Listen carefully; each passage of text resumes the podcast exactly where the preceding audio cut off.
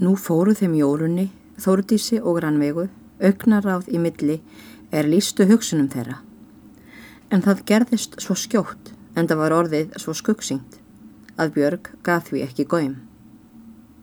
Ykkur hefur þó ekki borið á milli, vænti ég, segir Þórdís við Björgu. Ó jú, og seinast núna um daginn, meðan hann Hannes var, svaraði Björg. Hún vildi endilega láta hann sofa frammi í köldu dyraloftinu, en ég kendi í brjóstu um hann, að því hann er orðin svo gamal og böðst til að ganga úr rúminu mínu.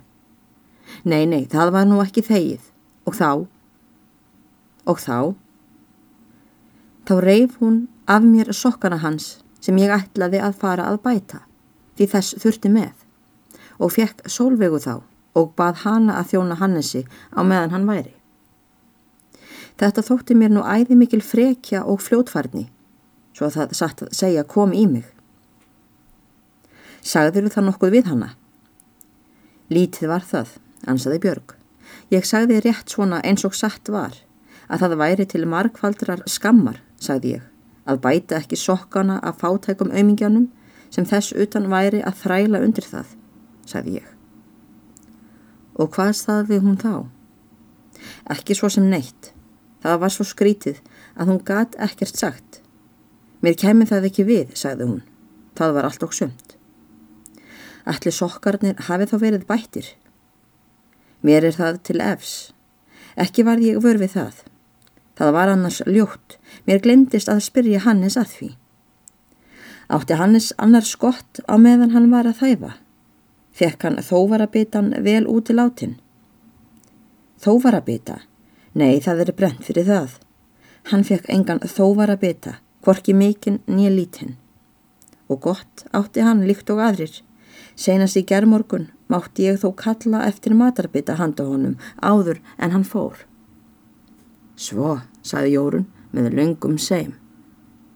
Svo, sögðu þær Þórdís og Rannveig í einu hljóði. Ekki bara nú að öðru, mælti Björg. Ég var þá búin að segja henni það kvöldið áður og vara hana við því að Hannes myndi fara í bítið. Þetta er svo einstaklega árvakurt. Og hvað sagði hún þá?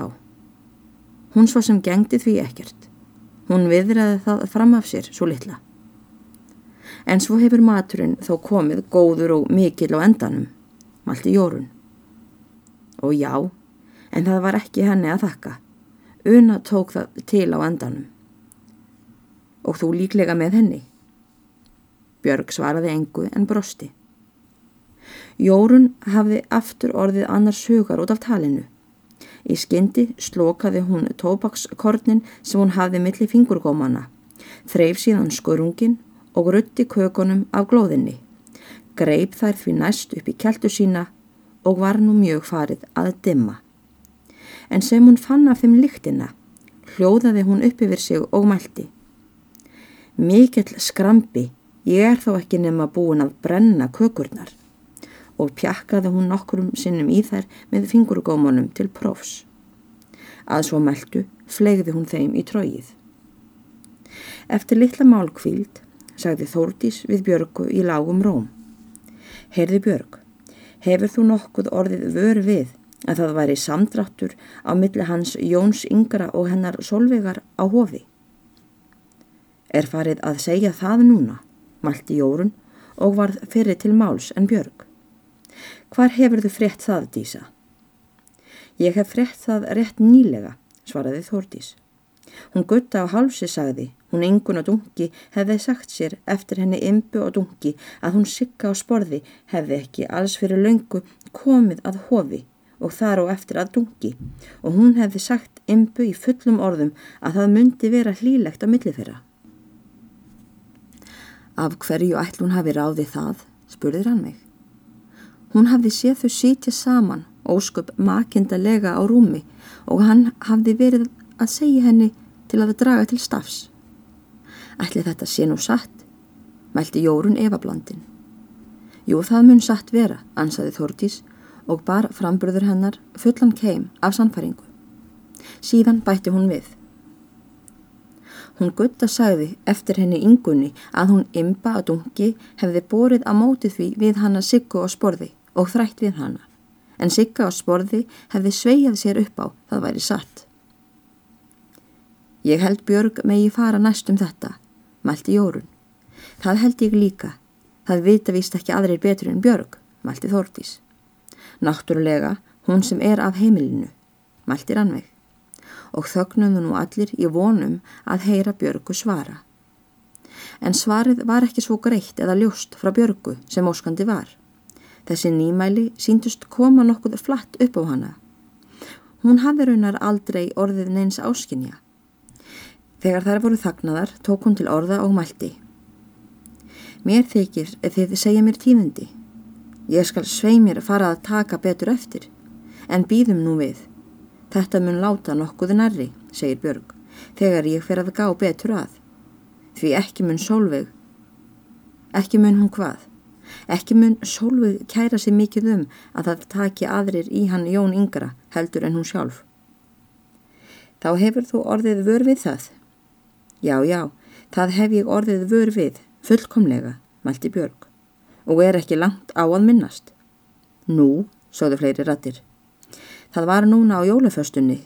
Mig minnir í seinustu vikunni að hann Jón Yngri bað mig að taka í sig, eins og ekki var tiltökum ál. Nú, og var það af því að ég var þá við höndina.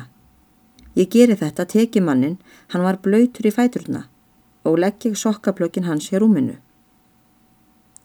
Jæja, Sólveig myndi stökkfa upp á nefsir undir eins og hún komst að þessu og spurði hverdu eins og hún hvað á, ég gerði með að leggja sokkaflökin þarna, sér hefði enginn þægð verið í að ég tæki í hann Jón Yngra, sagði hún, þegar svona væri við það skilið, sagði hún. Og hvað sagði þú þá? Nú, ég sagði náttúrulega eins og satt var, að enginn þægð væri mér í að sokkaflökin lægi þarna, sagði ég. Ég tóki mannin, segi ég, að því hann bað mig þess, segi ég, en þú ert þjónustun hans, segi ég og það er þitt en ekki mitt að hýrða sokkablókin hans, segi ég. En ég skal ekki gera viðvig fyrir þig í annað skipti, segi ég. Það skal verða byggð á því ég taki í hann Jón yngra fyrir þig aftur, segi ég. Og hvað sagði hún þá? Hún riksaði burt með sokkana og var fúl alla vikuna. En ég sé nú allt eftir. Hún hefur ekki viljað láta mig taka í hann Jón yngra og að því hefur hún reyðst í rauninni. Ekkert annað, einn mitt. Og þú hefur ekki orðið neins vörað öðru leiti, mælti Þórtís.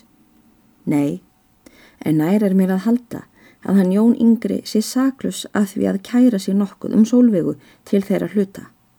Svo? Já, já, það mun vera hennar meiri þægðin en hans. Af hverju markarðu það? af því hvernig hann talar við hann stundum svona. Hann ávarpar hanna ómjótt þegar hann er að byggja um plökin sín og segir henni fullkomlega til syndana ef honum þykir eitthvað að. Nei, hann mun ekki kæra sig mikið um veigugreið. Það mun vera hennar þægðin meiri. Er hann þá ekki góður við hanna á milli? Þetta svona rétt áfram sínist mér. Nei, veigagreið fær ekki hann Jón yngra, það mun sannast.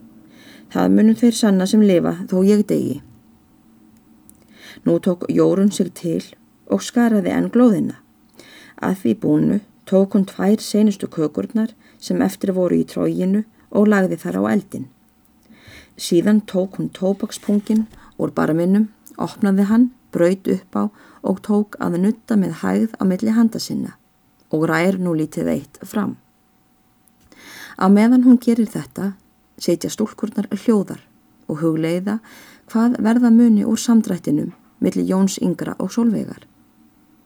En Jórun sem hættir að hugsa um slíkt byrjar nú á öðru umtalsefni og segir Björg, veistu nokkuð hvernig því að hofi liggur orð til þess hérna á næsta bæ?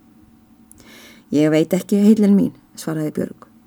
Ég hef svo sem ekkert heyrt um það talað hefur ekkert orð fallið svoleiðis, mælti Jórun og dró niður í sér röttina. Ekki það ég tel. Það var einhver tíma í haust að yngvar á neðstabæ kom þar við.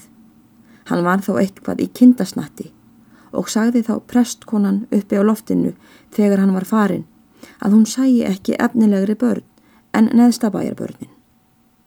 Já, mælti Jórun og reri við. Það grunaði mig lengi að það myndi vera sami undir því öllu. Hefur hún ekki gefið Sigurbjörgun eitt svo þú vitir? Nei, ekki get ég munað til þess síðan ég kom að hofi.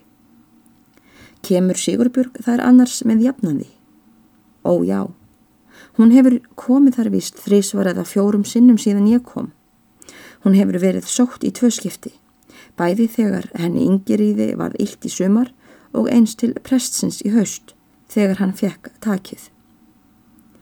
Þá hefur nú prestkonan sjálfsagt gefið henni eitthvað, mælti Þórtís. Jú, jú, hvernig læt ég, mælti Björg þegar hún hafði hugsað sig betur um. Prestkonan gaf henni þá spán nýja klæðissamfellu sem hún átti. Það var öldungi satt, það var ekki von að ég myndi það. Ó já, mælti Jórun. Betur að það dálæti stæði lengi. Síðan bætti hún við um leið og hún tók sér gerðarlega í nefið. En að Sigurbjörg skulu ekki skammast sín að taka við slíkum göfum. Já, hún er ólík henni jórunni á fossi. Ekki gæti ég það með nokkru móti og láta ekkert af hendi rakna aftur á móti. Já, það er svo margt sinnið sem skinnið, segir máltækið og það er satt. En viti menn, það hættir að fyrirverða sig þetta fólk sem komist hefur upp á að lifa á öðrum. Það er nokkuð sem maður veit. Rannveig tók eftir að húsmóður hennar hafði mikið að hugsa og augði að hún kynni enn að gleima kökunum. Hún stóð fyrir upp og snýri þeim á glóðinni. Að því búinu settist hún aftur. Já, ekki nema nýja klæðissamfellu, mælti Jórun og gati ekki glemt þessu atriði. Betur að það dálæti stæði lengi, segi ég. Aðalsteit mun vera að læra þar alltaf, spurði Þórtís. Ó já, svo segir það, ansaði Björg. Alltaf er hann í bókonum. Ég held að verði ósköpun öll sem hann veit á endanum. Hefur hann oft farið upp að neðstabæ? Nei, ég man ekki til hann hafi farið nángað nokkur tíma. Það vænti ég, hann sé nú sællegri í drengurinn, en þegar hann var hjá mér, mælti Jórun. Sællegri? Nei, það er öðru nær Jórun mín, ansaði Björg. Hann er kvítur og skininn, svo það liggur við að afbæjarfólk taki til þess. Kvítur og skinin. Já, ég sný ekki aftur með það, saði Björg. Ég skal segja ykkur það til dæmis um hvort ekki sínist það fleirum en mér að hún yngun á dungi kom á jólaföstunni og hún spurði mig einsleika hvort það gengi nokkuð aða drengnum. Ég hvaði nei við. Hún sagði það væri óskup að sjá útlitið hans. Hún týmir þó líklega að gefa honum að etta. Ég veit ekki af því. Já, það væri nú vitið því, segir Jórun. Þegar það fór að flækja honum aðalsteini fram að hofi. Það var eins og vant er fyrir honum guðmundi hérna. Hann merður alltjönd eins og rjómagrautur, eða ég veit ekki hvað. Þegar höfðingjarnir fara að tala við hann. Og tók nú Jórun sér snögt og gerðarlega í nefið. Vissurðu hvað yngun á dungi var að tala við unu, sagði Þórtís sem hafði högvið eftir því orði hjá Björgu.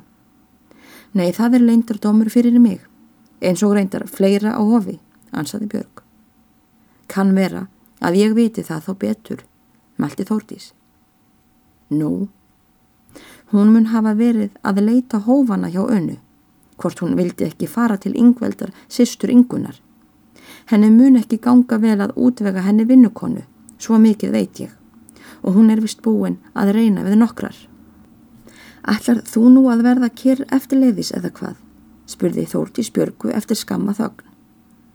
Nei Þórtís, svaraði Björg. Þar verði ég ekki eina nótt eftir krossmessu. Hefur hún ekki falað þig? Ó nei, og heldur hún líklega góða konan að það sé til lítils. Heyrðu Björg, mælti nú Jórun. Ég hef heyrt Þú hafir ekki verið höfð við búverkin á hofi í sumar. Hvernig stóð á því? Þú varst og vistu þangað í þeim erindum. Það stóð svo á því skal ég segja ykkur að þegar ég var farin að búverka fyrir hanna þá líkaði henni ekkert og fann að öllu. Ég kunni ekki við það, var því óvön og þegar ég sá það að ég fekk engu að ráða og mátti ekki hafa það eins og ég hafði vanist, nú þá afsagði ég það og sagði hún mætti byggja hinar stólkurnar að gera það. Ég hafði engar vífilengjur með það. Og hver búverkaði þá? Það gerði una, oftast nær. Stundum var hún líka að guðla við það sjálf